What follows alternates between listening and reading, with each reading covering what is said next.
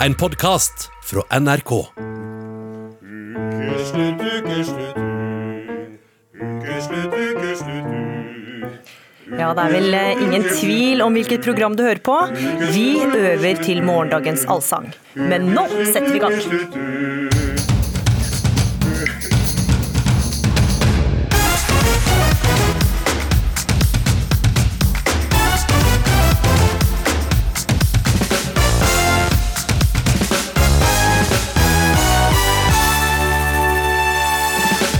Selv om skolen åpna for alle denne uka, har hjemmeskole skapt mersmak for mange.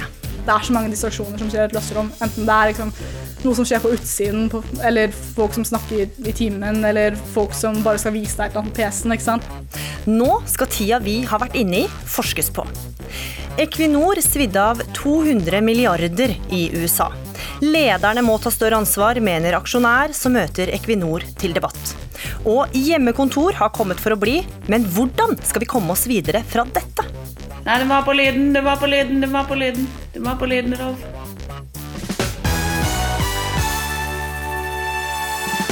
Ja, du hører på Ukeslutt her i NRK P1 og P2. Jeg heter Gry Veiby og skal følge deg de neste timene. Og denne helt spesielle lørdagen skal du også få høre mer fra disse.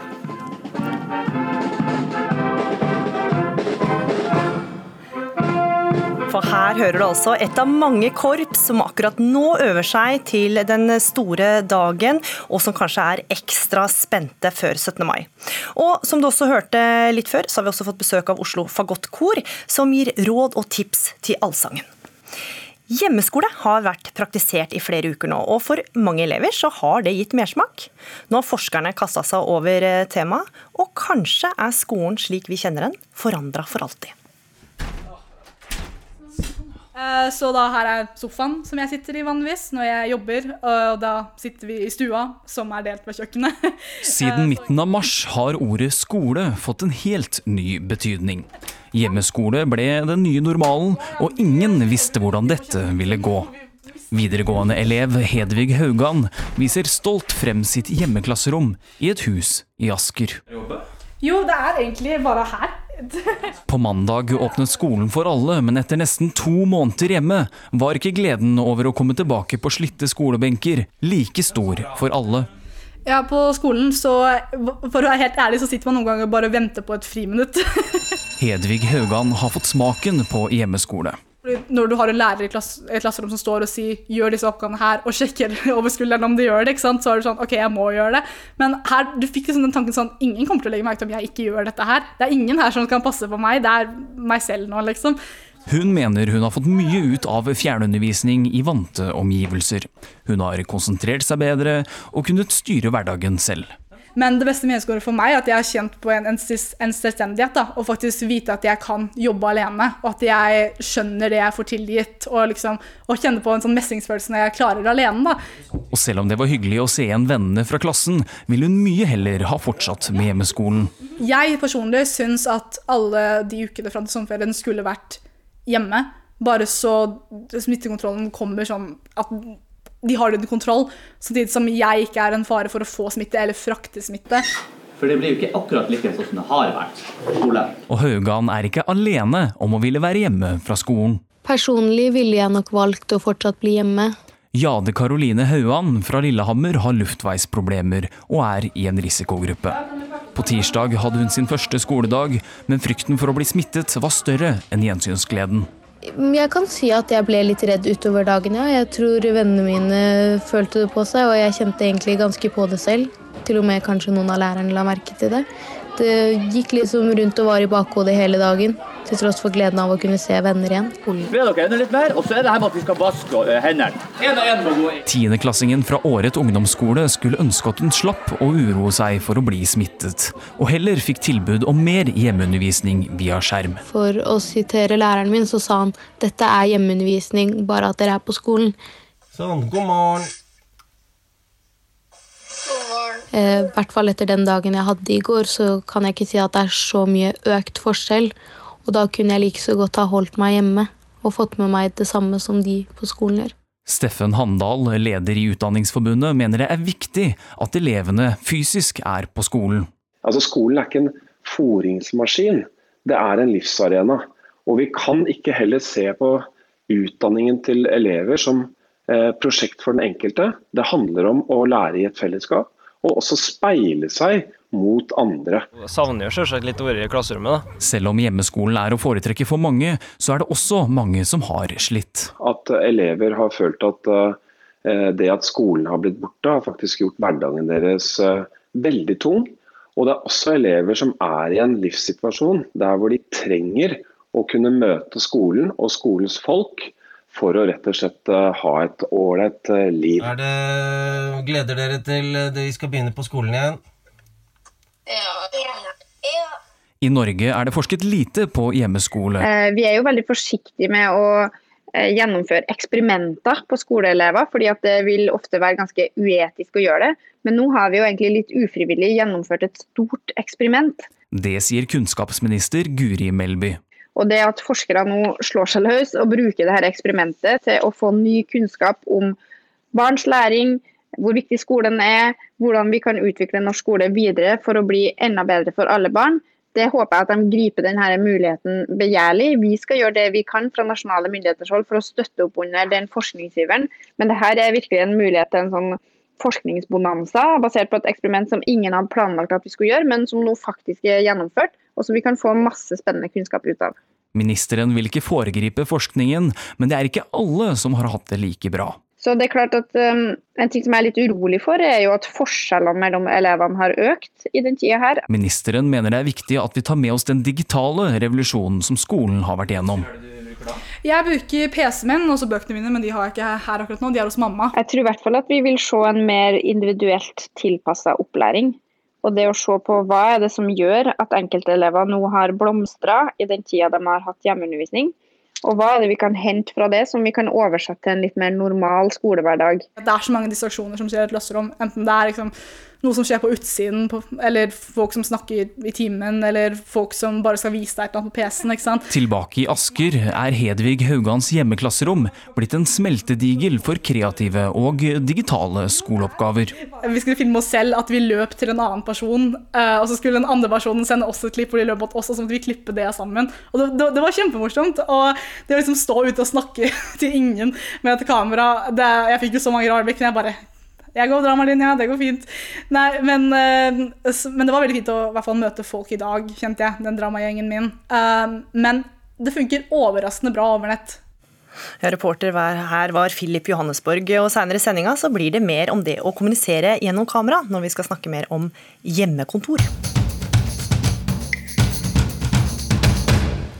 Årets utgave av Eurovision Song Contest ble avlyst pga. korona. Men i kveld skal eh, likevel alle artistene som skulle ha deltatt i den store musikkonkurransen, hylles i en TV-sending som sendes i 45 land. Her får dere vinneren av Melodi Grand Prix 2020, Ulrikke!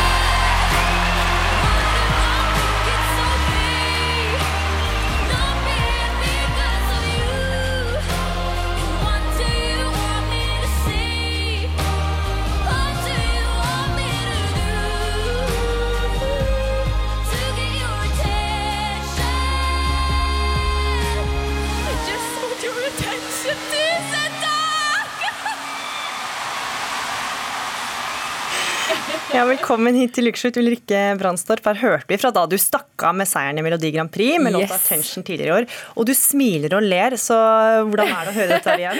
Du, jeg syns det er veldig fint. Ja, det var jo livets øyeblikk. Eh, Jeg måtte bare le litt av den der I just want your attention to so. Litt overvelda? Eh, Lite grann. Altså, eh, du fikk jo ikke stå på scenen i Rotterdam denne uka for å representere Norge som planlagt. Men i kveld så skal altså låta, eh, utdrag av låta vise sitt alternativshow, nemlig Eurovision Europe Shine a Light, som sendes altså både på NRK og i 44 andre europeiske land. Hvordan blir det? Eh, stas! Eh, jeg syns det er superkult at Eurovision har jobbet eh, De har jobba ekstremt mye på eh, YouTube og sånne ting i forkant, og at de faktisk lager et program når ting blir avlyst, det syns jeg er helt fantastisk. Eh, så, så med tanke på at ting ble som de ble, så er dette et supert alternativ. Ja, for det blir altså ingen vinnere i dag. Men mange kommer til å sitte klistra til skjermen allikevel, og en av dem er deg, 17 år gamle Morten Westgård. Hva gleder du deg mest til? Eh, Det er så mye å glede seg til i kveld, egentlig. Det er jo, eh, Eurovision har lova mye mye overraskelser, eh, så de har prøvd å holde, liksom, holde litt på spenninga for, for hva som kommer til å skje i sendinga i dag. Men det blir å, å hedre alle artistene og, og se hva, hva Eurovision faktisk har fått inn nå som det ikke har blitt en ordentlig med semifinale og finale. Så Men så får du ikke stemt da, Westgård, så ødelegger ikke det litt av stemninga?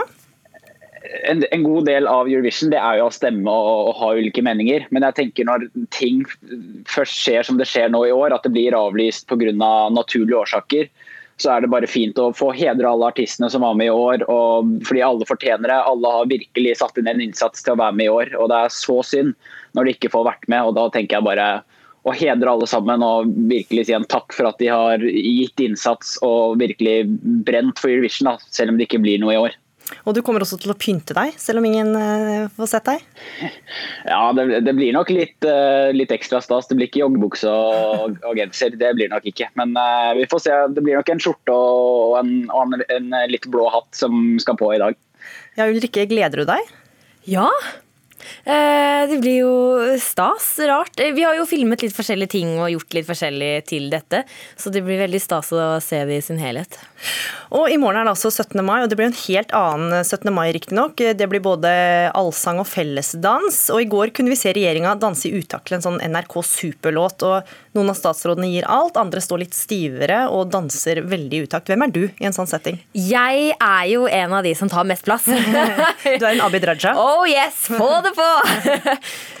Og i morgen så blir det også allsang, fordi hele Norge er blitt invitert med på å synge Ja, vi elsker klokka ett. Og vi skal snart få noen sangtips fra Oslo Fagottkor. Men kan vi høre noen strofer av eh, Ja, vi elsker i en Melodi Grand Prix-variant? Oi! I en Melodi Grand Prix. Da burde vi egentlig modulert og sånn. Men eh, ja, vi elsker dette landet som det stiger frem. Ja. Veldig fint. Morten Westgård, nå fikk vel du gåsehud? Å ja, da. det, Hver gang Ulrikke synger, så er det jo gåsehudfaktor uansett hvilken sang det er. Så det, det skal ikke være så vanskelig. Ingen tvil om at eh, fanen din er klar. Og vi kan altså se dette showet her klokka ni. Da blir det musikkfest og altså ikke musikkonkurranse på NRK1. Så lykke til, Ulrikke. Takk. Klokka ett i morgen så skal vi alle sammen eh, synge Ja, vi elsker fra balkonger, terrasser og vinduer over hele Norge. Hei, det er kultur- og likestillingsminister Abid Raja her. Jeg vil gjerne ha deg med, sammen med hele Norge, til å synge klokka 13 på 17. mai etter saluttene. Og da er det jo nasjonalsangen som gjelder, og den kan du jo, men den går litt som dette. App, app, app, app. Hvordan han framfører nasjonalsangen skal du snart få høre. Men først skal vi få noen råd eh, fra representanter fra Oslo Fagottkor, som er på plass her i studio. For hvordan i alle dager skal vi få til dette til å låte, og ikke minst hvordan skal vi klare oss å manne oss opp til å tørre å synge av hjertens hals. Steinar Svendsen, Andreas Birger Johansen og Petter Sørli Kragstad. For alle oss som ikke er så innmari gode til å synge, og for dem av oss som syns det er litt flaut å synge, hvilke råd har dere? Syng ut. Det var eh, første. ja. Definitivt. Da må man bare satse og, og gå for det. Og det hjelper med, med champagnefrokost. Det, det har vi jo alle erfart. Så litt alkohol i blodet, rett og slett. Da blir det jo, kan det fort bli eh, ganske fælt å høre på. Ja, det kan det jo, men det blir ikke det. Er man mange nok, så blir det fint, altså. Så regulerer du nervene, vet du. Ja, nettopp. Være mange nok, eh, og kanskje varme opp også er et godt tips. Ja, litt sånn vokaløvelser, sånn som vi gjør i koret, da. Eh, og artikulasjonsøvelser. Altså Dirigenten vår hun pleier alltid å Therese Kinsley Eriksen hun pleier alltid å varme opp med oss med forskjellige typer ting. Eh, mye galskap. Og én en som jeg kan anbefale, er eh, Nå kommer mor med mat. Nå kommer mor med mat. ja, ja. Mm, og det gjør hun jo. Kanskje far også. også. For oss som er basser, så er jo ikke det så tilgjengelig. Men da kan man jo eh, snikvarme opp, for det ser litt dumt ut å stå sånn som Steinar holdt på der eh, ved buffeen på, på 17. mai-frokosten. Men da kan man bruke sånne øvelser inni munnen. F.eks. man får noe mat, så sier man mm, Og så står man og snikvarmer opp sånn. Og fortsatt være en god eh, del av det gode selskap når man gjør sånn. Nettopp, og når noen forteller en vits, så er det ha-ha-ha! Ja, ja, ja, det er høyt. Snikvarme opp. Men også er jo Ja, vi elsker det har mange vers. Hva er det beste tipset for å huske teksten? Bruk huskelapp. Å ja, man kan rett og slett ta med seg teksten. Men prøv å liksom synge ut og ikke se helt ned hele tiden. Men det er mye morsommere hvis man har, er trygg på teksten og slipper å tenke. Grete Pedersen, som skal dirigere i morgen, eh, solistkoret, hun sa, hadde godt tips også. Se for deg hva du synger. Da er det mye lettere å både huske hva du skal Mm. synge, og også formidle det. Mm. Hun sa jo også, legg merke til at nasjonalsangen vår begynner med ordet ja. Det er så positivt, det er så fint. Og Men, men da er det da lov, hvis man da liksom har glemt etter ja, og bare mm, mm, bare nynne med, eller? Alltid lov å jukse. Alltid lov å jukse. Jeg har et sånt triks fra, fra, fra salmesang. Hvis du legger deg litt bakpå, så klarer du å plukke opp hva som er neste ord. Du bare blir med. Har dere noen episoder eh, dere husker hvor dere har synget feil, og det har vært litt flaut? Eh, ja, hvor skal jeg begynne? Det- Jeg husker en gang på, på Rockefeller hvor vi skulle synge et ganske nytt arr, hvor det endte opp med at dirigenten sto der helt fortvila og visste, ingen visste hvor vi var. og vi liksom, Det brøt sammen. Men det skjer nesten aldri. Stort sett er det noen som Heng deg på noen som kan det, så går det. Det er- Det er veldig godt for oss som ikke er så, har så tro på vår egen stemme, å høre at dere også har gått på smeller. Ja, og da bare syng med overbevisning om du synger feil. Ja, Det er nettopp. Eh, En som synger med overbevisning, er da kulturministeren. La oss høre litt eh, hvordan det gikk. Ja, vi elsker dette landet som det stiger frem. Furet værbit over vannet med de tusen hjem. Elsker, elsker det og tenker på vår far og mor. Og den saga natt som Nå kommer snart det vanskeligste. senker drømme på vår jord. Veldig bra. Ja. Og den saga natt som senker, senker drømme på vår jord. Ja, dere, Han får en applaus. Ja, virkelig. Dette er kjempefint. Så han, ja. han er innafor å synge i morgen med full hals. Ja, det syns jeg absolutt. Ja. Definitivt. Ja, synger. Og det, det som er med Ja, vi elsker, den har et stort spekter. Halvannen oktav, kanskje man sier på fagspråket. Ja. Det er, ja, og han, han, han er jo god. Eh, Han er, det er jo nesten helt rent. Ja, Eh, det var veldig bra. Han har jo en en god stemme, så han må bare øve mer. Og høre på Grete Pedersen formidle, så han ikke høres ut som Siri som synger 'Ja, vi elsker'. Ja, vi elsker, for det blir ja. litt flatt. Men han kommer jo helt til toppen, og det er veldig deilig. Du hører at når han kommer til topptonen, og så må man huske på at man skal ned den når man er Ja. ikke ferdig. Og man, et godt tips når man begynner med Ja, vi elsker, ikke begynn for høyt. Begynn lavt nok. Begynn så lavt du klarer, nesten. Og dere har også forberedt ulike versjoner av Ja, vi elsker for oss. Hva er det vi skal få høre? Vi skal, altså, vi skal høre forberedt. Og forberedt. Vi har i hvert fall eh, skal synge Skal vi få eh, synge? Ja, skal vi gjøre. Én klassisk versjon, og så tenkte vi skulle prøve oss på en ragtime-versjon. Vi er veldig glad i den klassiske, da, men eh, folk kan jo stemme inn eller sende inn hva de syns eh, om dette her. Så skal vi ta det imot, vi. Ja, sett i gang. Scenen er deres. Ja da. Ja, vi elsker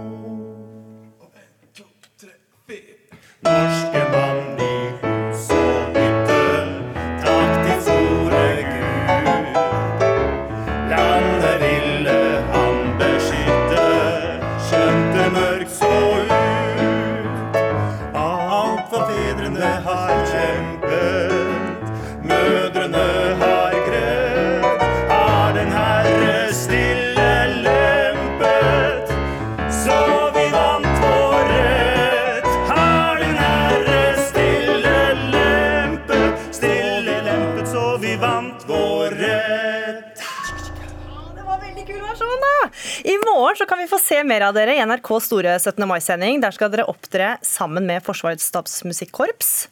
Ja, stemmer. Og det er med et uh, fantastisk arr som nettopp Petter Kragstad, som spiller for oss i dag, har uh, skrevet. Uh, det, dette er en innertier og noe som vi kan sole oss i glansen av. av Petters arbeid. Han har laget en ny nasjonalskatt. Ja, rett og slett. Dette gleder vi oss til å høre. Tusen takk for at dere var med i Ukeslutt, Steinar Svendsen, Andreas Birger Johansen og Petter Sørli Kragstad. Og nå skal det handle om Equinors pengetap i USA.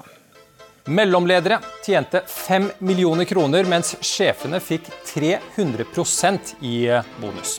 At Statoil, for å komme inn i det gode selskap, deltok på veldedighetsauksjoner og betalte 700 000 kroner for en kalkun i Texas. Jeg tror det er en viktig del av norsk forretningskultur å være nøysomme i den aktiviteten man har også i andre land en vanlig ansatt. Hvis han har rota med timeliste eller en reiserekning, så får han beskjed om advarsel og truer med oppsigelse. Men der kan de sette nesten en hel bedrift på spill, flere hundre milliarder, og da skal de bare lære. 200 milliarder kroner, det er et voldsomt stort tall. Og, eh, og, vi mente at det var en riktig strategi og en riktig satsing. Det var en stor ressurs de mente det var riktig også at de betalte fornuftige priser den gangen. Ja, Equinor har tapt 200 milliarder i USA. Det kunne altså avisa Dagens Næringsliv avsløre sist uke. Høye lønninger og bonuser, hyppige og kostbare fester og dårlig kontroll på utgiftene. Det svimlende kostbare forsøket på å bygge seg opp innen olje over there er beskrevet i detaljer som må være pinlig å lese for Equinor-ledelsen, den statlige eieren og aksjonærene.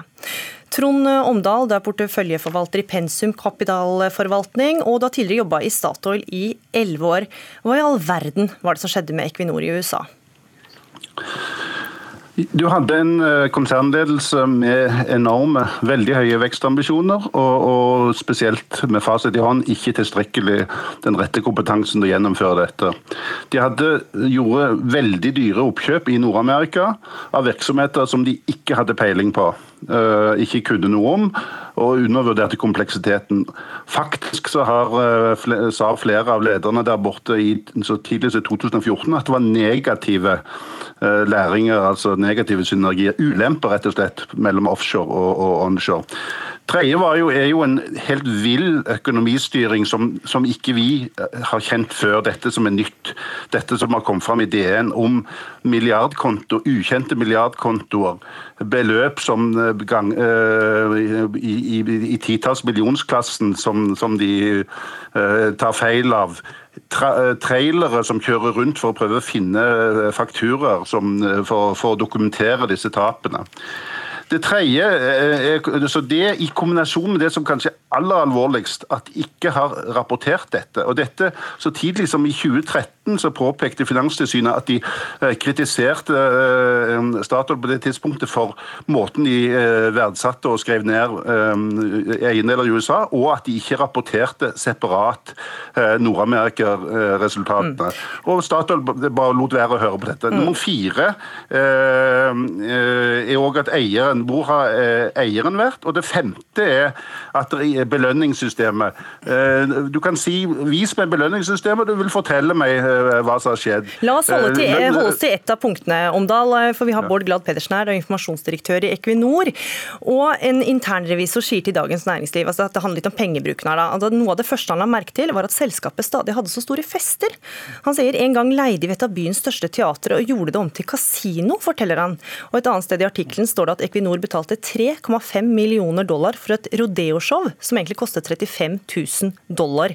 Hva, altså kan du forklare for oss hvorfor Equinor var så spandable i USA? Det vi oppdaga, og som han, han, forteller om, det er at vi oppdaga fra i 2014 egentlig, at uh, det var et for høyt kostnadsnivå. Det var brukt penger som ikke skulle vært brukt. Og, og det var gjort på en måte som vi ikke, sånn skal vi ikke ha det. Men hva er forklaringen på det? Hvorfor var de så spandable? Det, det hadde utvikla seg over tid, og det hadde oppstått noen utfordringer. Spesielt etter at vi kjøpte et amerikansk selskap i 2011. Men det avdekka vi sjøl fra i 2014 og tok tak i det. Så er det viktig å si at de utfordringene som vi tok tak i der, og som vi har rydda opp, var alvorlige, men det er ikke forklaringa på det store økonomiske tapet. Forklaringa på det store økonomiske tapet Men nå snakker vi om pengebruken og eh, signalet det sender ja. til Norge. Altså, for eksempel, så Sent i 2014 så ble det oppretta en flyrute fra Stavanger til Houston der alle setene var business class. Altså, Man kan få inntrykk av at dere har hatt en sløse... Ja, men, eh, vi vi, vi oppretta jo ikke noe flyrute. Eh, så, så, Nei, men Det var tydeligvis behov, ja, da, fordi at Equinor holdt til vi, i Stavanger? Vi var i vekst i Houston, så vi, så men det var mange andre selskaper som også reiste. Men, men det var, det var 300 norske ansatte som jobba i kysten. Men, la meg bare få svare på spørsmålet. Det var en uakseptabel kostnadskultur, eh, og det ble det tatt tak i. Men forklaringa på de økonomiske tapene det er at oljeprisen stupte fra 2014. Og alle kan gjøre dårlige investeringer. Ja, men det som skjedde var at vi, eh, altså, vi Forklaringen på tapene er i realiteten at eh, vi har kjøpt noen eiendeler, og så faller prisene, og da er eiendelene mindre verdt enn det de var. Sammenligninga, hvis du kjøper et hus, mm. og så faller boligprisen, du skal leie det ut, da har du et tap. Og Alt dette, ikke, men, ja, men, alt dette vet vi, for dere har forklart det flere ganger at det var oljeprisen Nei. som eh, falt, men dette her handler om kulturen. Um, for så er det jo altså disse eksemplene med kalkunen til 700 000 kroner, og samtidig med at dere kutta 239 stillinger i Norge, så trua dere med å droppe gratis kaffe for oljearbeidere ved helikopterterminalene vårparten 2014. Og det var da samme, eh, samme periode som dere vant en kalkun til 700 000 kroner i Houston. Altså, Hvordan harmoniserer dette her kuttene i Norge med det som skjedde i Houston? Jeg kan få fullføre et svar. Det var en kostnadskultur som ikke var god nok. Men det er mange eksempler som brukes nå. Altså det, kalkunen. en kalkun. Det ble ikke kjøpt en kalkun. Det var en donasjon til et veldedig formål der vi betalte en fjerdedel av det. Det er helt umulig å få det fram i media i dag. Du gjentar det, alle gjentar at vi kjøpte en kalkun. Det er ikke sant. Det var en donasjon til et veldedig formål. Vi har ansatte i dag som er de første i sin familie som har studert. Det er et resultat av den type donasjoner til studenter.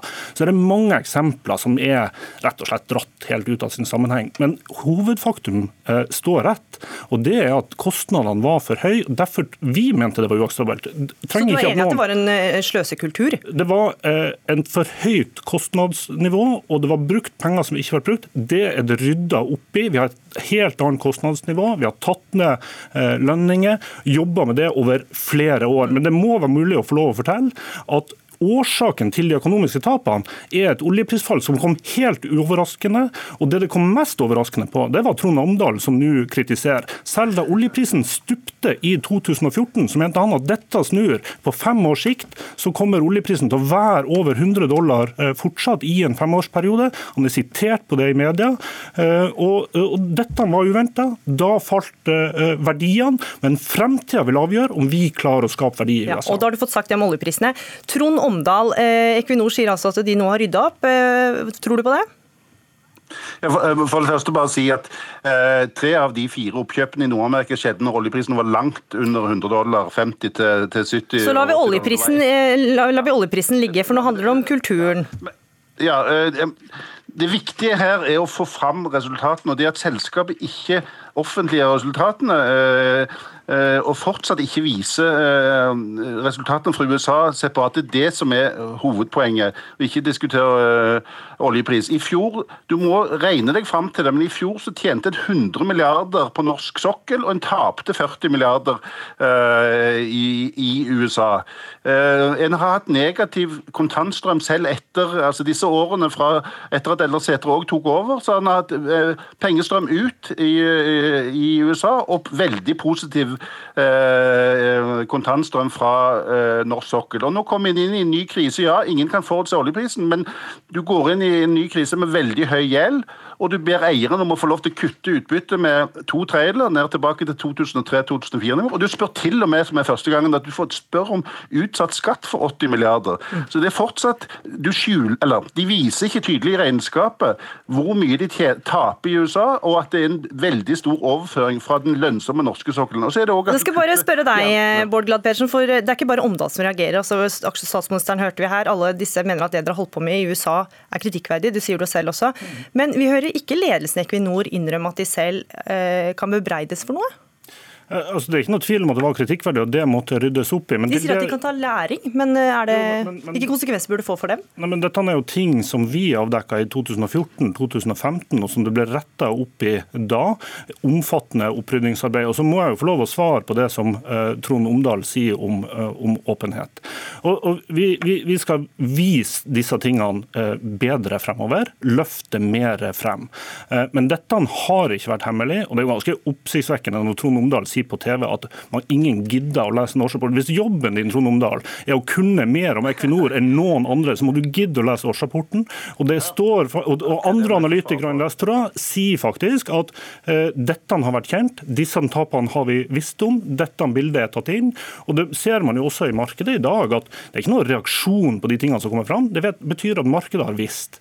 Og Det aller siste poenget det er at dette er en del av en større internasjonal satsing. Den internasjonale satsinga har vært lønnsom for eh, Equinor. Så dette er egentlig ikke en ikke-sak? Altså, Nei, det, ikke det, det, er det jo åpenbart ikke. Eh, det er en viktig sak, og vi har adressert den kraftfullt og vi har svart på spørsmål. Men hvis man skal vurdere hvor vellykket det er Equinor, så må man ikke bare se på én investering, nå må man se på helheten av det vi har fått til. Og Den internasjonale satsinga er lønnsomt. og Hvis du ser på den tida der vi har vært børsnotert, så har vi gjort det bedre enn våre konkurrenter, bedre enn uh, gjennomsnittlig på Oslo Børs, og veldig mye bedre enn eh, en oljeprisen. Så noen ting har ikke vært vellykka, men samla sett har vi gitt god avkastning til alle aksjonærene, inkludert staten. Vi skal avslutte litt hyggelig her, Bård Glad Pedersen. Det er 17. mai i morgen. Hvordan eh, feirer en informasjonsdirektør i Equinor? Blir det champagne og kaviar og kanskje kalkun? Nei, eh, det tror jeg ikke det blir. det blir. Men det er jo en skuffelse selvfølgelig at det ikke er leker og sånt og konkurranse på skolen, så da må vi lage det hjemme. Bård Glad Pedersen fra Equinor og Trond Amdal, takk for at dere var med i Ukeslutt. Krystaller selges som urealistiske drømmer og falske håp, mener Aftenpostens Ingeborg Senneset, som møter krystallelsker til debatt snart. Men før det så skal vi til Ila skole i Oslo, der skolekorpset du så vidt hørte tidligere, nemlig Ila og Bolteløkka skolekorps, har gått en runde i nærområdet dagen før dagen. Og nå skal de også fått med seg de aller yngste rekruttene, for første gang i uniform og klare til å marsjere, reporter Munever Gildis. Ja, jeg må dessverre skuffe og si at de har ikke på seg uniformene, fordi det er en litt eh, sur og kald eh, Oslo-dag, dette her. De har på seg boblejakker, luer og ørevarmere, og det skjønner jeg når man skal gå en lang tur. Jeg står her med Isola Storberget. Hun er, eh, det er hennes første, første tur med korpset. Og Isola, hvordan er det, er det å være med på korpset i dag? Gøy og veldig spennende. Men du, din mor fortalte at du har likt korps siden du var eh, ett eller to år. Hva er det du liker så godt ved korps? Musikken, og så liker jeg å se på alle instrumentene. Og hvilket instrument er ditt favoritt, og hva er det du spiller? Mitt favorittinstrument er klarinett, og så spiller jeg også klarinett. Og så har du lyst til å bli klarinettelærer når du eh, blir voksen, sa moren din, stemmer det? Ja. ja. Men du, nå skal du gå for første gang, eh, og så skal du få en premie på slutten av dagen. Hva er det, det fikk du vite i sted. Hva blir det? En medalje av gull. Det høres jo veldig bra ut. For hvordan var det uniformen deres så ut? For nå har du jo bare på deg en rød boblejakke og ikke uniform. Den er blå, og så har den gullknapper, og så har jeg en eh, bukse i tillegg med, som er blå med en gullstripe ved siden av. Da vil det matche veldig godt med en gullmedalje. Ja.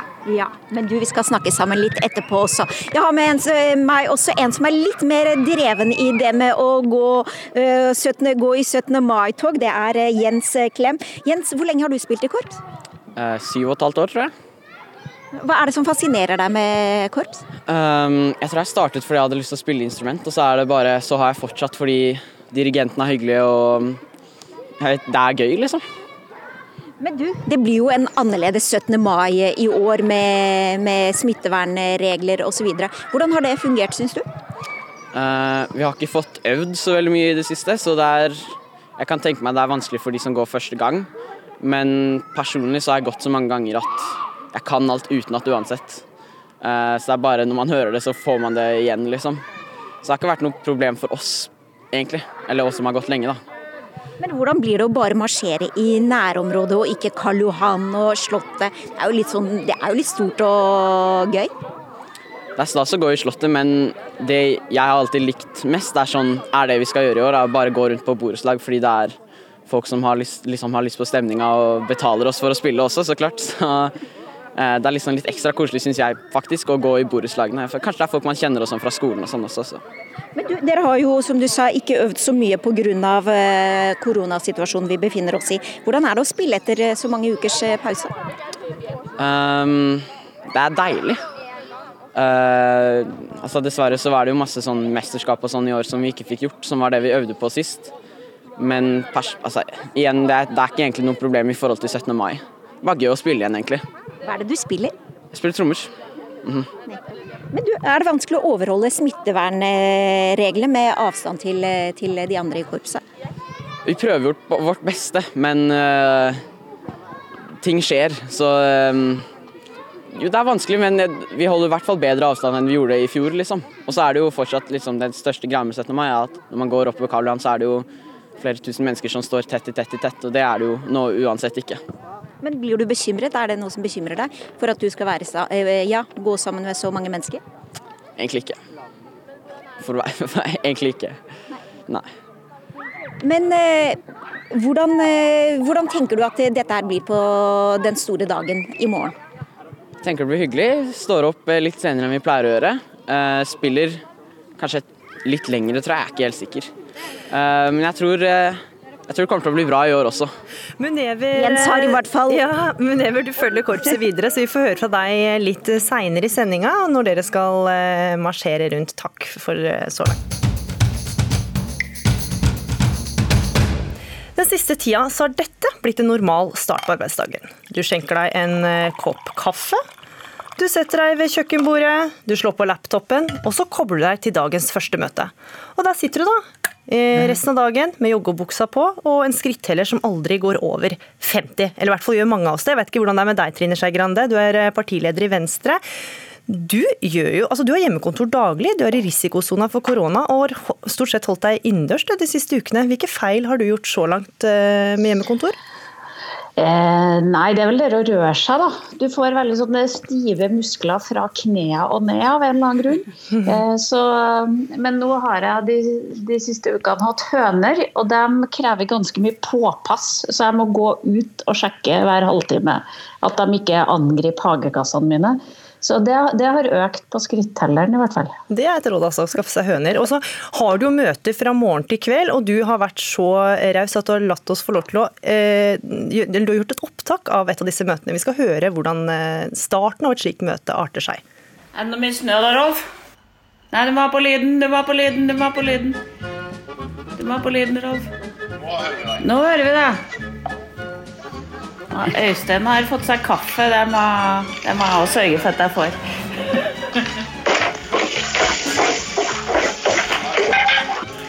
Da må jeg bare sjekke om Tina er her. Er du her, Tina? Ja, Tina er her. Det er jeg. Mm. Hei, Ola. Du bruker alltid å si det. Det skal du ha, Ola. Du sier alltid 'sånn'. Vær så god, Ola. Og helt eh, til slutt her så hørte vi Ola Borten Moe, for han alltid, starter alltid innleggene sine med sånn, skrev du på Twitter, eh, Trine Skei Grande. Du... Ja, Ola Elvestuen gjør alltid Ola Elvestuen, selvfølgelig, ja. Og jeg sitter ofte i møter med Ola mange ganger i løpet av dagen, og hver gang han slår på mikrofonen, så sier han sånn. Eh, så, så en dag så ble jeg litt irritert, så det ble en Twitter-melding om kanskje folk kunne øve på å ikke si det. Ja, for det er jo en krevende møtekultur vi går inn i nå. Kommunikasjonstrener og programlederlærer Berit Boman, det vi hørte her nå, høres det kjent ut? Veldig. Veldig kjent. Det er nok mange som eh, har slitt litt eh, i disse koronatider. Ja, for Du kaller dette tidenes raskeste programlederopplæring. Det skriver du i en kronikk i VG. Hvorfor er det så krevende å f.eks. lede møter på, på nett? Eh, nå handler det om selvfølgelig hvor mange du har og hvor, mye delay det blir på hvert eneste bilde. Men hvis du har 20 stykker og du skal lede den gjengen, og så skjønner du ikke hvorfor f.eks. ikke reaksjonene kommer, eller at uh, du merker ikke hvorfor du blir så veldig sliten av det. Og det handler om at du snakker jo ikke til disse menneskene, de er ikke i samme rom som deg. Så det mest slitsomme er at du får ikke, du kjenner ikke på hva som skjer. Skal jeg dytte meningen min litt hardere på? Skal jeg holde igjen litt? Alt dette blir borte. Du får ingen respons? Ingen respons, fordi du snakker rett og slett til en vegg, som igjen eh, sender bildet til en annen vegg. Det er så mange små filtre i den kommunikasjonskjeden hvor du tror at den sitter i samme rom som deg, men hvor det er så stor eh, lengdeforskjell til det nå er det budskapet til den som sitter her. Også Og så For mange av oss da, som sitter i sånne møter, så vil vi jo ikke være møteplager heller, og da ender man med å ikke si så mye. Ja, og så ender det også med at man sitter kanskje, hvis ikke du er så vant til det, og være litt selvbevisst og se litt ned og sitte og se på deg selv og være redd for at noen spør. Eller tenke at ja, det krever jo ikke noe av meg, for jeg kan jo bare sitte her og høre på. Og for den som leder da, så er det jo noen mennesker som ikke gir noen ting. Og hvis du har en dårlig dag, så kan du bli ganske syka ut av det. Ja, Det har vært en bratt læringskurve for de fleste av oss, eh, men eh, Stein Roger Bull, regissør og produsent, nå må vi begynne å få dette bedre til. Det skriver du i et innlegg eh, på kampanje. Og du reagerte spesielt på Jonas Gahr Støre, Arbeiderpartileder. Hvorfor det? Ja, altså nå er jo, Vi sitter jo her nå i et radiostudio, og så er ikke Trine her. Trine Skei Grande. Og, og, For å følge opp det litt som Berit Boman sier, er at, at vi, vi, savner jo nå å kunne se reaksjonene til, til Trine. Eh, vi, vi, vi er jo som mennesker skapt til å være sammen altså til å kunne registrere hverandre. Og vi vet også på disse, eh, disse videomøtene, så, eh, eller webinarene, som det er det nye ordet som er kommet, eh, så sitter jo folk også og, og, og ordner med mobiltelefonen sin og, og gjør alt mulig annet, hvis de ikke har noe å bidra med. Når det gjelder å bringe dette over på det profesjonelle nivået med å bruke det i eh, TV-sammenheng, i debattsammenheng, i eh, intervjusammenheng, i, i, i nyhetsprogrammer i TV 2 og NRK, så, det, så, kan man godt forstå at i den tiden vi har vært igjennom nå, så har dette vært nødvendig. Det har vært karantene, det har vært vanskelig å, å komme til studio. Men, men, nå må vi begynne å steppe opp litt? Er, nå er vi faktisk over eh, dette. Nå kan vi faktisk møtes igjen. Nå er, sitter vi her i et studio og vi kan møtes. og Da må vi passe på at vi ikke kommer inn i, i soveputen og behagelighetskulturen, hvor det sier ja, men det var jo så enkelt, eh, jeg drar heller på hytta, jeg, og så, og så eh, tar jeg meg med computeren, og så blir jeg med på den debatten og sier ja til Dagsnytt 18 allikevel. For Støre deltok altså fra hytta si, og du så, ja, det er noe jeg så ut som han akkurat har stått opp? Jeg påstår ja, at, han, at han var på hytta men, men, men, i hvert fall så så det slik ut mm. at han var på hytta, og, og han var ikke kledd for å være med. Eh, på mange måter var ikke kledd og sminket for å være med i en debatt. Og, og, og Grande, der vet jeg at du også har en innrømmelse, for du var også med i TV-debatt med joggebukse? Eh, ja, jeg var med på debatten. Jeg prøvde å tenke litt på hvordan det så ut rundt meg, da, jeg må innrømme det. Men uh, hva, hva, jeg hadde fra midja og ned, det så jeg ikke i debatten, og det var joggebukse. Det, men det var en litt sånn seier å føle yes, jeg kan være med i debatten i joggebukse. Det har jeg gjort, det også. Det er litt sånn kryssa av på. Men uh, jeg mener jo at dette kommer til å forandre seg. Jeg mener jo at vi har blitt mye flinkere, både teknisk men også blitt flinkere til å ha på kamera hele tida, som jeg mener at man bør. Eh, det er vanlig høflighet for dem som snakker. Men, men har du f.eks. egen lyssetting, som Stein Roger Bull eh, reagerte på i dette tilfellet vi akkurat snakka om her nå? Nei, men ofte når jeg har vært med på Dagsnytt 18 f.eks., så har jeg sittet i, det rommet jeg har bøkene mine. Eh, og da må jeg flytte meg eh, Der har jeg fire stoler, og de fire stolene kan jeg bruke forskjellige tidspunkt på dagen ut fra hvordan lyset faller inn i stua. Eh, så jeg prøver jo å tenke over at det ikke skal være for mye Altså når, eh, det tenker jeg når jeg er i studio også, at jeg håper at folk ikke tenker på hva jeg har på meg, eller hvordan det ser ut, eller hva faen er det på den veggen der, og sånn.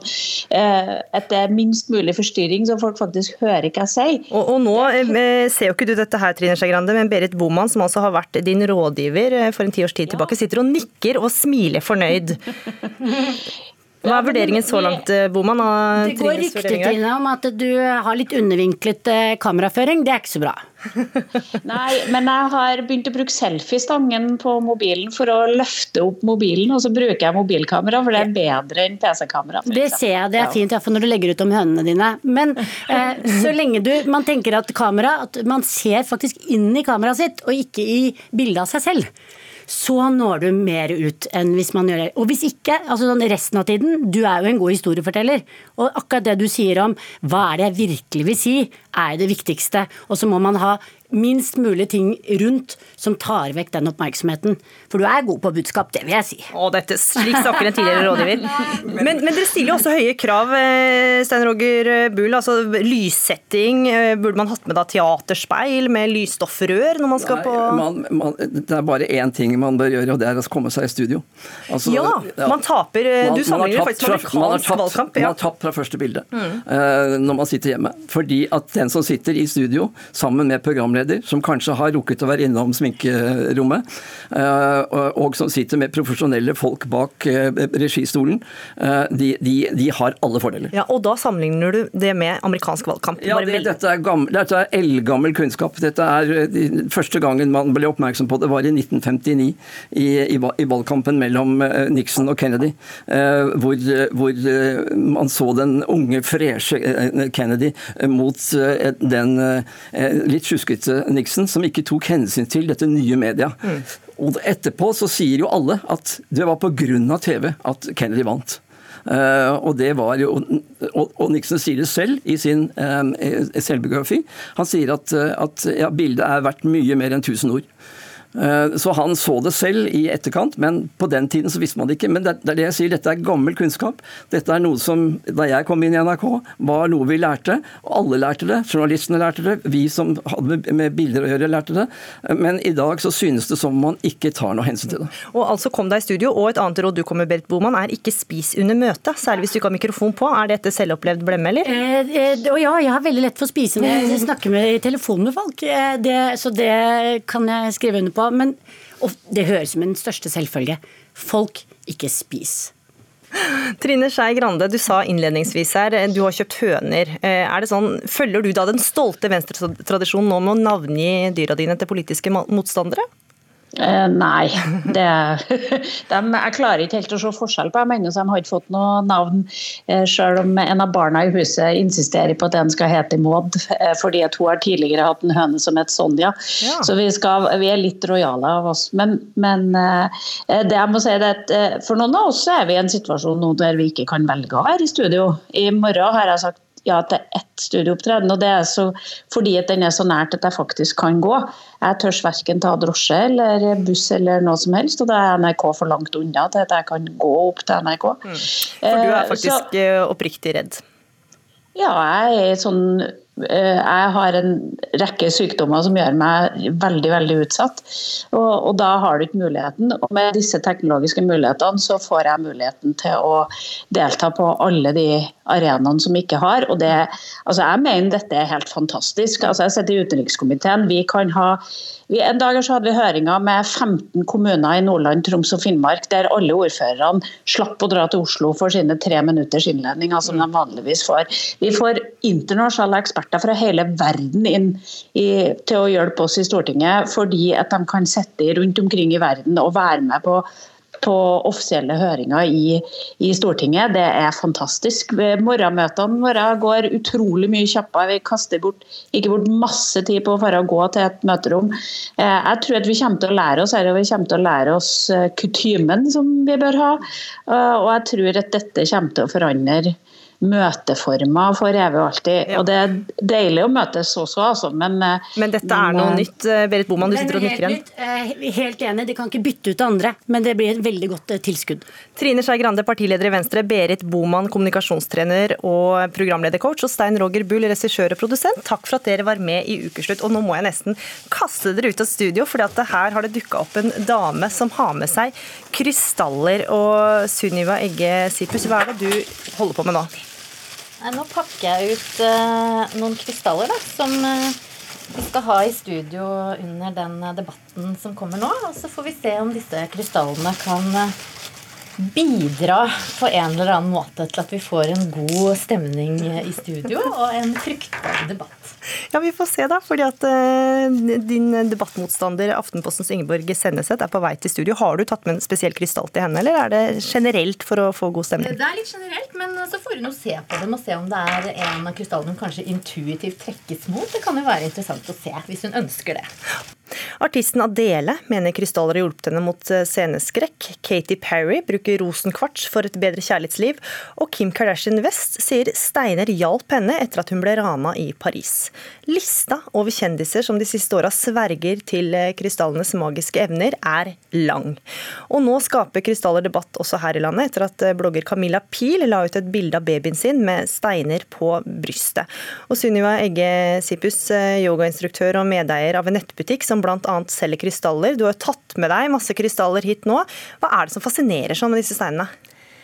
Jeg tror eh, primært det handler om eh, skjønnhet eh, for mange. Det at det er et naturprodukt. At folk ønsker å bringe naturen inn. Og så er det selvfølgelig mange som lar seg fascinere av disse egenskapene som krystallene har blitt tildelt gjennom tusener av år. Da, hvordan de har blitt brukt i ulike ritualer osv. Men hva slags effekt skal de ha da, annet enn at de er pene å se på? For de som mener at de har en effekt, vel å merke, så kan man bruke dem f.eks. For i forbindelse med meditasjon. Man kan man programmere dem, så man bruker dem på en spesifikk måte for å oppnå en eller annen form for følelse. Eh, du kan meditere på dem og eh, skape gode vibrasjoner for deg selv. Eh, men, ja. Så det funker bare for de som tror på dem. Så, så Ingeborg Senneset, journalist i Aftenposten. Du ville, tok jo med her nettopp noen krystaller som skulle skape litt god stemning her. Kjenner du noe, Ingeborg Senneset? Ja, jeg kjenner jo spesielt at den ene steinen gjør at uh, levra mi funker litt bedre.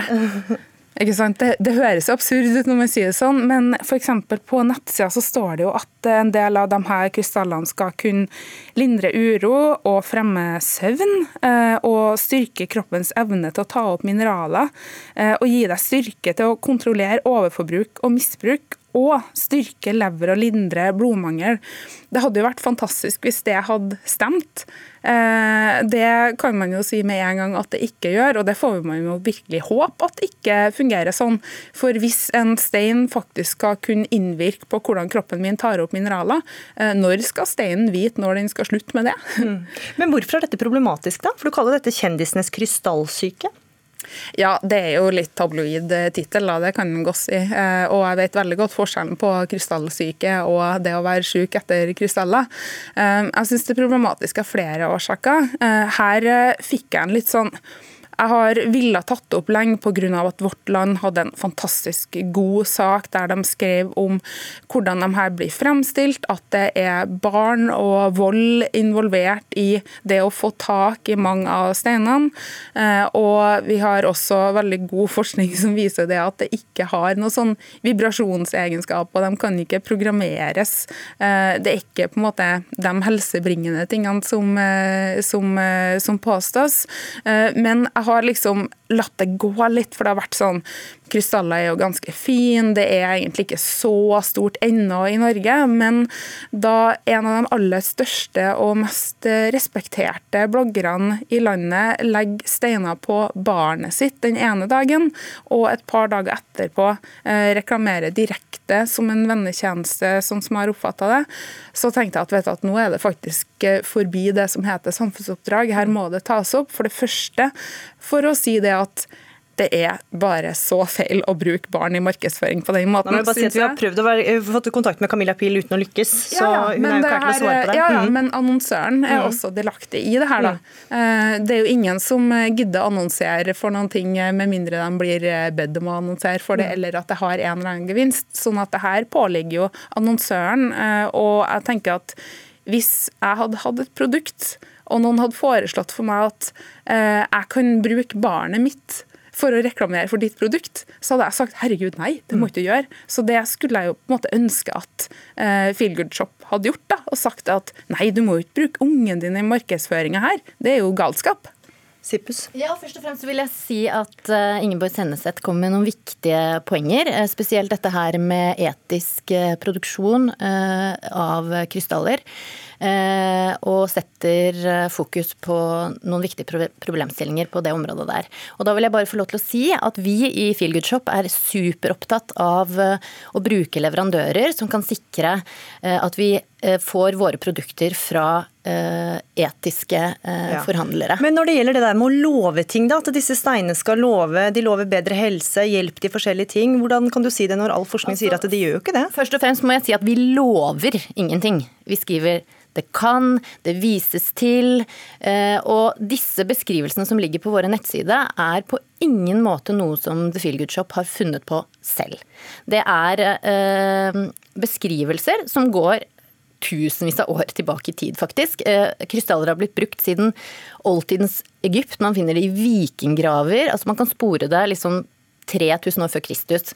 Så Det er jo et veldig rart argument å si at det har blitt brukt lenge. Vi brukte jo også blodigler ganske lenge. Nå fungerer det for noen ting, da, men sånn ja, årelating, da, det ble jo brukt en stund. Eh, homopati har jo blitt brukt en god stund. Akupunktur blitt brukt veldig lenge. Eh, vi har ganske mange ting som har blitt brukt over tid, men som vi heldigvis har fått bedre ting å bruke. Da. Vi bodde jo også i trehytter, og nå har vi heldigvis hus.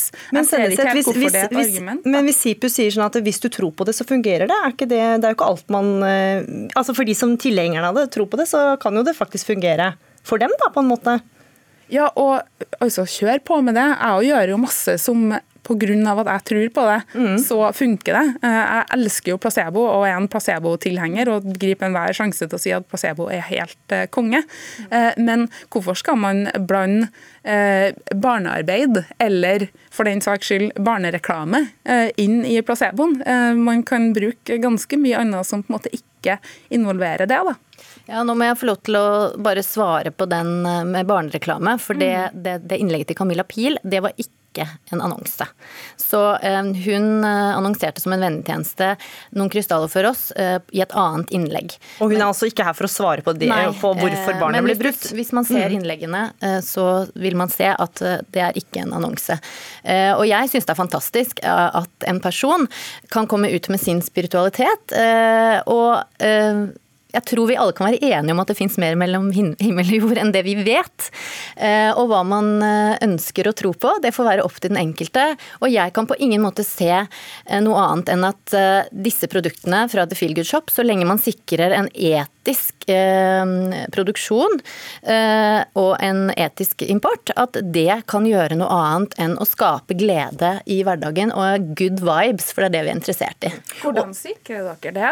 At jeg har prøvd å gå gjennom så godt jeg kunne da, om det er noen muligheter for å få tak i dem på en etisk måte. og det virker som at det er utrolig vanskelig. Helt konkret, hvordan får dere Og til det Og det? svaret får vi faktisk ikke her. Det kan dere ta utenfor studio. Du kan ta med deg de flotte krystallene dine. Så får jeg takke for at dere kom, Sunniva Ege Sipus og Ingeborg Senneset. Og da skal vi tilbake til Ila og Bolteløkka skolekorps, som har altså øvd på å marsjere og spille under hele vår sending. Og vi hører dem her, reporter Munever Gildis. Hvordan har det gått? Nå marsjerer vi sammen med korpset videre inn eh, i Sankthanshaugens eh, gater. Det har gått eh, veldig bra. Det, de har vært og spilt på et eldresenter, og det ble veldig veldig godt mottatt. Folk vinker til dem fra vinduer. Noen står på balkongen, og, og noen lukker vinduene når korpset går forbi. Men sånn er det kanskje. Og Isola har akkurat gått sin, sin første tur med korpset. Du, hvordan syns du dette der gikk? Det var veldig gøy. Hvordan tror du i morgen blir? Også veldig gøy. Ja, vi satser på at det blir en veldig fin tur for Isola og resten av korpset i morgen, med smittevernregler og ting som de må ta hensyn til. Takk for det, Never Gillis. Er det bare å ønske dem og alle ivrige korpsgåere lykke til i morgen. Og da skal det handle om ferie her i ukeslutt.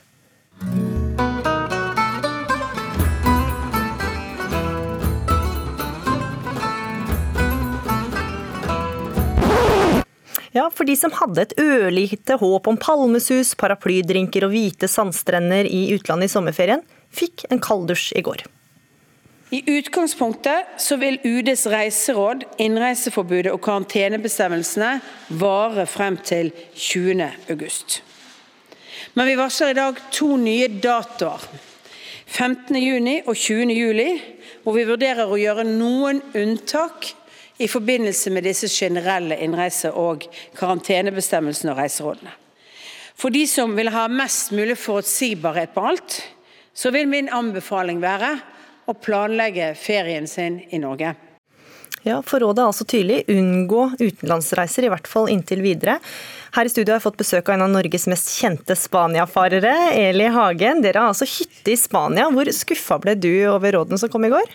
Jeg blei jo veldig skuffa. Det er jo varme når du er i Spania. Norge er et fantastisk land, men du er ikke garantert eh, sol og varme. Det er du i Spania om sommeren. Så det er varmen du savner mest? Ja, særlig nå. da. Mai har jeg vært så kald, men eh, jeg savner jo det å ikke kunne reise. Og få beskjed at du ikke kan reise. Jeg er jo litt skuffa over Erna, for hun kunne jo sagt at uh, nå ser vi hvordan landet forholder seg. Altså Det er ikke noe problem nå, for Spania er stengt. Du får ikke komme inn. Du blir snudd på, på flyplassen, så du får ikke lov å komme inn i Spania nå. Men Erna kunne sagt nå ser vi hvordan disse landene forholder seg. Når åpner de opp igjen? Når går smitten ned? Hvor mange er det som dør? Hun kunne sagt altså i stedet for 20. august som er den datoen ungene begynner igjen på skolen, så kunne du sagt vi kan se på det den 15. juni f.eks. om en måned. Hva gjør da Spania, Hellas og Italia, de som er verst eh, mm. ramma? Det var vel Folkehelseinstituttet som kom med disse rådene også. Eh, Lasse Heimdal, du er generalsekretær i Norsk Friluftsliv. Du er ikke skuffa over at det er norgesferie som gjelder i sommer? Altså, Norge er jo et fantastisk ferieland. Eh, altså, tenk at folk reiser fra Kina, fra Japan, Australia og USA for å oppleve det vi har her i Norge. Ja, dette er eh, helt topp. Mm, ja, Eli Hagen, Det er jo sant da, det kommer mange turister her til Norge for å se både nordlyset og alt mulig vi har å by på. Kommer ikke på noen ting annet enn nordlyset, men, Nei, men masse det ting. gjør de, men de har det varmt hele året ellers. De. Ja. Og vi i Norge har det kaldt hele året ellers.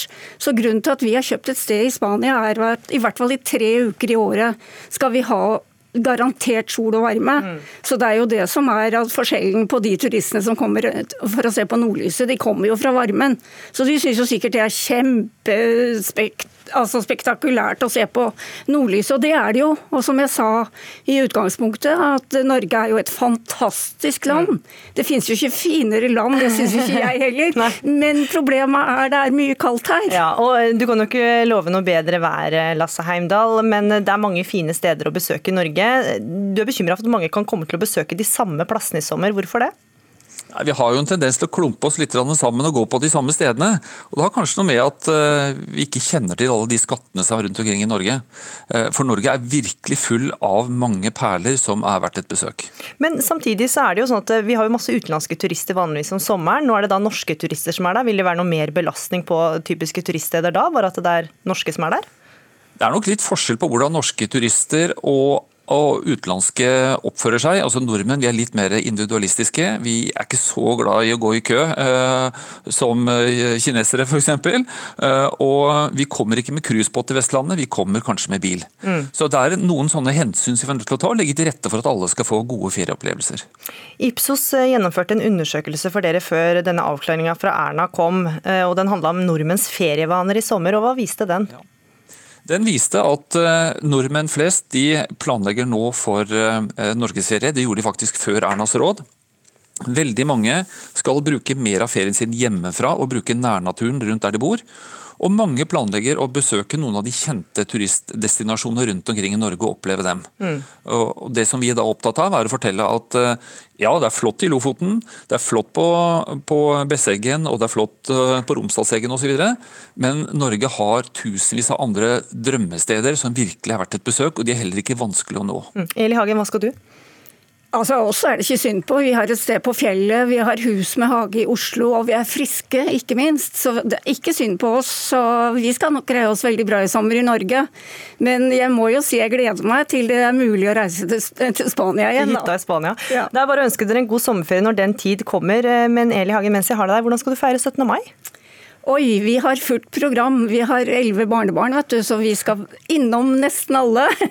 Så vi begynner klokka ni med å se på et korps og med noen barnebarn. Og så skal vi til noen andre barn eh, og synge nasjonalsangen klokken ett mange. Det, vi er 20, så det er det som er lov å være. Og passe på smittevernet, hører jeg? Ja, ja. Mm. Det, altså, jeg er jo i risikogruppa, så jeg må jo passe meg veldig.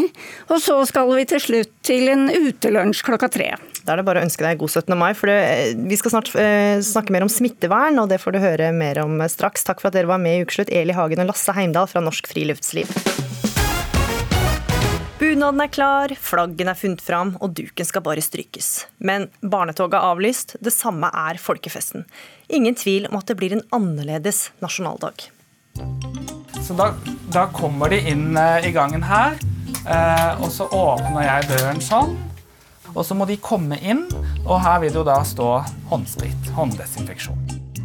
Og så kommer de inn her, og vanligvis da så har jo de med seg masse mat, ikke sant? Men i år så skal vi jo ikke ha det. I år så skal vi i vertskapet heller stå for all matlagingen for å gjøre det eh, smittevernmessig bedre. Ja, her hørte vi deg, Daniel Kendrick, eh, da du var med i podkasten Oppdatert her på NRK. Du er sykepleier og jobber med smittevern i Oslo. og Hva gjør eimen av håndsprit og begrensning på gjester for en 17. mai-entusiast som deg? Nei, altså nå er vi jo ganske vant med eimen av håndsprit, tenker jeg. Altså, vi har jo uh, brukt håndsprit uh, i større doser enn vanlig de siste ukene og månedene. Det lukter liksom overalt hvor man kommer inn? Ja, det lukter litt overalt hvor man kommer inn. Men man passer på å gni hendene lenge nok. Man skal gni til det er helt tørt, ikke sant. Da blir det litt bedre med den eimen. Uh, det er jo klart det preger jo 17. mai-feiringen litt. At det er disse dagene vi er i, og den usikkerheten har, vi, har man kunnet feire eller ikke? Har man kunnet møtes? Hvor mange kan vi møtes? Hva, altså, og Den usikkerheten den tror jeg befester seg litt i hele samfunnet. Mm. Uh, for ikke snakke om liksom, ja, store samfunnsstrukturer som jobb, yrke, karriere, bedrifter. altså Alt mulig. Mm. Så det preger oss absolutt. Men vi kan feire 17. mai så lenge vi overholder gode regler. Og det hørte vi at du gjør. Smittevern er jo da viktigere enn noen gang. Trude Lorentzen, til vanligvis journalist i Dagbladet. Og du har kjent viktigheten av smittevern på kroppen. for du var på en fest som seinere ble omtalt som 'festen fra helvete'. Da fikk du og flere av gjestene korona i etterkant. Hvilken smittesmell gikk du på? Altså, Jeg er jo rett og slett et sånn serveringsbestikkoffer. Eh, jeg kan nok zoome inn det sekundet jeg fikk covid-19 i meg. Og det var en særdeles rolig og pyntelig og pertentlig fest. Men det var helt tidlig i mars, da. Eh, nøyaktig 7. mars, eh, vet jeg. Og da var jo bevisstheten litt på vei opp, men ennå ikke der vi er nå i dag. Ganske langt unna der vi var i dag, ja. vil jeg si. Mm. Men jeg er også en sånn katastrofeorientert personlighet, så jeg var en av de første i Norge som begynte å ta dette på veldig alvor. Så jeg avviste enhver uh, forsøk på håndhilsing og klemming på den festen. Hadde med meg egen flaske, serverte meg selv bare den. Men så tok jeg da denne gryteretten.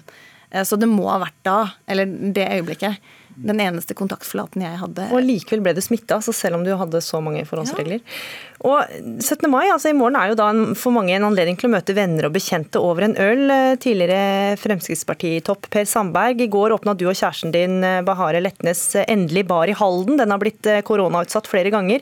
Hvilke smitteverntiltak har dere? Nei, Vi følger bare de råd vi har fått. Eh, Bl.a. dette med å ikke ta inn så mange gjester som eh, man kunne ha gjort i en normal situasjon. Vi har møblert eh, på en sånn måte at det blir enklere for gjestene å holde litt avstand. Så har vi selvfølgelig sprit på alle hjørner, tenkte jeg å si. Det hører jo hjemme i Eh, så er det da veldig, bruker veldig mye eh, ressurser på å vaske eh, toaletter, sanitæranlegg, bardisk, bol. Og alle slike ting. Det er forhåndsreglene vi tar. Mm. Vi skal høre et kutt Per Sandberg fra da VG var på besøk hos dere da dere åpna. Du skal holde glasset litt sånn Enda mer. Når du holder glasset sånn, da blir det ikke noe skum. Sånn, ja. Dæken. Bra! ja, Per Sandberg, her hører vi deg rett og slett eh, lære å tappe øl. Det høres ut som en bratt læringskurve. Hvilken rolle har du som bareier nå? Ja, jeg er bare Det er Mahareh som er daglig leder og, og sjef. Jeg er jeg er poteten i denne sammenhengen. her, Jeg gjør det aller meste. Og det er klart, Jeg har jo tappa øl før, men det er 40 år siden, og all, all teknologi endrer seg. Så jeg måtte ha en viss opplæring. Kendrick, eh, det blir jo sikkert et glass for mange i morgen, og det er ekstra viktig da som arrangør å ta smittevernhensyn. Er du ikke redd for at folk skal komme til å begynne å klemme når de hilser og ta på hverandre? Nei, jeg er egentlig ikke så veldig bekymra for det. Altså, det er jo litt sånn som eh, at du ble smittet. Eh, veldig synd. Nå har vi jo en smittesituasjon som er mye lavere. Det er mye mindre smitte i samfunnet. Eh, og så tenker jeg Min rolle som på en måte helsesykepleier og jobber med smittevern, det er jeg, altså Sykepleier er man 24 timer døgn, syv dager i uken, så det får jeg ikke gjort noe med. Men man kan kun legge til rette så godt som man kan og følge de rådene. Og så tenker jeg at alle har et ansvar for å passe på seg selv også. Og gjennom å passe på seg, altså at jeg passer på meg, at jeg holder avstand til andre, at jeg vasker hendene mine og spriter de, så tar man også et ansvar for fellesskapet. Og jeg er ikke noe glad i verken bunadspoliti eller egentlig sånn smittevernspoliti heller, så jeg tenker folkeopplysning og gode råd. Og så er jeg opptatt av å si at hvis noen eh, glemmer seg bort, eller eh, oi, der ble det en klem, det er nok ikke det som velter lasset, men vi skal ikke gjøre det. Vi skal holde avstand. Mm. Eh. Og Per Sandberg, det er kanskje ekstra vanskelig for dere, da, for at eh, folk er jo kanskje ekstra overtente nå. og Som en mann med temperament, hvilke planer har du for å takle litt for fulle folk som ikke bryr, bryr seg om håndsprit og en meters avstand? Ja da, vi hadde mange situasjoner sånn sett i går, men, men som det blir sagt her, folk flest eh, tar ansvar. Men så er klart, eh, så er man kanskje eh, litt heit nå når det har vært sånn sterke restriksjoner over tid, og så får man anledning til å gå ut og treffe venner. Men det er klart, det går jo rundt der, og, og folk respekterer deg når du sier 'hold nå denne avstanden', ikke noe klemming. Men det er klart at det er en ekstra jobb å gjøre i så måte. Men jeg må si det at vi hadde jo et stort trykk i går og de aller, aller aller fleste respekterte og, og, og, tok vare på hverandre i så måte, er min konklusjon på det. Mm. Trude Lorentzen, som en som har gjennomlevd dette her, da. Overlevende, kan man si det. Du skal jo på hagefest med naboer i morgen. Hva gjør du ikke? Oh, du, Den er litt vanskelig, for det er en buffébasert uh, selskap. Så jeg har varsla vertinna at uh, hun må høre på Ukeslutt nå, for det første. Og, er det lov? Buffé Ja, jeg, de... ja, nå blir blikkene retta mot meg. Ja. Jeg kan si, ja, det er lov å ha buffé. Okay. Det er ikke forbudt. Nei. Men jeg foreslo uh, at kanskje én person bør stå og dele ut, så ikke alle tafser nedi hver eneste salatbolle, f.eks. Mm. Men så er det jo det at hvis alle kommer og bidrar til den buffeen med hver sin rett, så har man jo potensielle koronabomber stående rundt hele bordet. Ja, for Det har vi eh, valgt å ikke gjøre. Vi har vanligvis det at alle bidrar med sin rett, sånn eh, Amerika-potluck-opplegg. Men vi har jo valgt at eh, vi lager maten, for da har vi kontroll på at vi som lager maten, vi er iallfall friske. For det er veldig viktig Hold deg hjemme hvis du er syk eller bare føler deg syk. ikke sant? Da skal du ikke ut og menge deg med andre folk. Da får du feire med uh, hel, heldekkende NRK-sending fra taket her på Marienlyst. Og det er helt greit, vet du. Det syns vi. Ja, det er fint, ja, ja. ja. Men også tenker jeg, uh, hvis du skal være arrangør, altså ha fest, uh, om det er hagefest eller terrassefest eller hva det er, planlegg. Begynn allerede i dag. Kan man flytte den potteplanten litt, så man får litt mer plass der. Vi må ha mye mer plass enn det vi tror. Og så hvis du er syk i dag, lag, dropp å lage den maten. Da får du heller noen andre til å lage den maten. Høres ut som du må ta en prat med naboen din, Trude Lorentzen. Jeg har gjort det, altså, og selv føler jeg meg jo nesten som et lite übermensch nå, da. med i hvert fall et lite snev av immunitet, så lenge det varer. Har du noen siste råd til andre før morgendagen? Rådene er for det første at det smitter sabla lett. Det gjør det. Det har forbløffet meg. Og et annet råd er at jeg også kan bekrefte at ikke alle blir kjempesyke. Det er lett å bli veldig, veldig redd for de respiratorene vi ser bilder av på nyhetene. Men um, egentlig er det litt beroligende også det jeg har erfart, at det ble veldig veldig mildt for meg. Mm. Og det tar vi med oss eh, inn i morgendagen. Takk for at dere var med i Ukeslutt, Trude Lorentzen, Daniel Kendrick og Per Sandberg. Og med det er ukeslutt ferdig denne lørdagen. Ansvarlig for sendinga det hadde Line Forsmo. Det tekniske ansvaret hadde Marianne Myrhol. Og her i studio var Gry Veiby. Og eh, takk for at du hørte på. Husk at du kan høre på Ukeslutt når du vil og hvor du vil, fordi du kan laste oss ned som podkast, eller så kan du finne oss i NRKs nettspiller, som du finner på nrk.no. Og så tar vi gjerne imot tips og tilbakemeldinger. Da er det bare å sende en mail til ukeslutt krøllalfa nrk.no. Og med det så ønsker vi en riktig god nasjonaldag eh, i morgen, og takker for følget. Du har hørt en podkast fra NRK. Hør flere podkaster og din favorittkanal i appen NRK Radio.